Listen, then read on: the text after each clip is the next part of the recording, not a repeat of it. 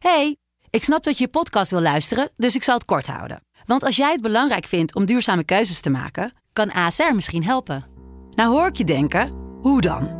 Nou, bijvoorbeeld bij het duurzaam herstellen van schade. Of de premies die we beleggen volgens ons duurzaam beleggingsbeleid. Dat bepaalt waar we wel en juist niet in investeren.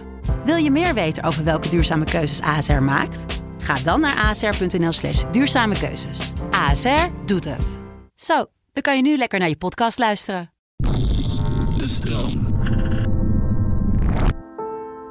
Het is gebeurd. Je hebt het gezegd. Je hebt het gedaan. Iedereen weet daarvan. Daar doe je niks meer aan.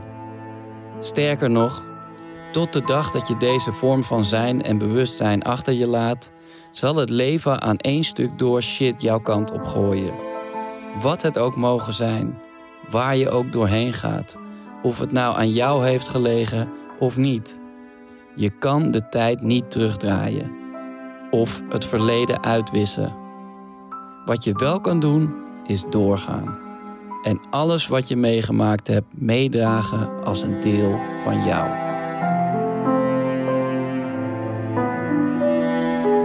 Je luisterde naar professionele tips voor een comfortabel leven. Ik hoop dat je wat aan deze tip hebt gehad. Dat je de boel even de boel hebt kunnen laten. Heb jij zin in nog meer fijne podcast?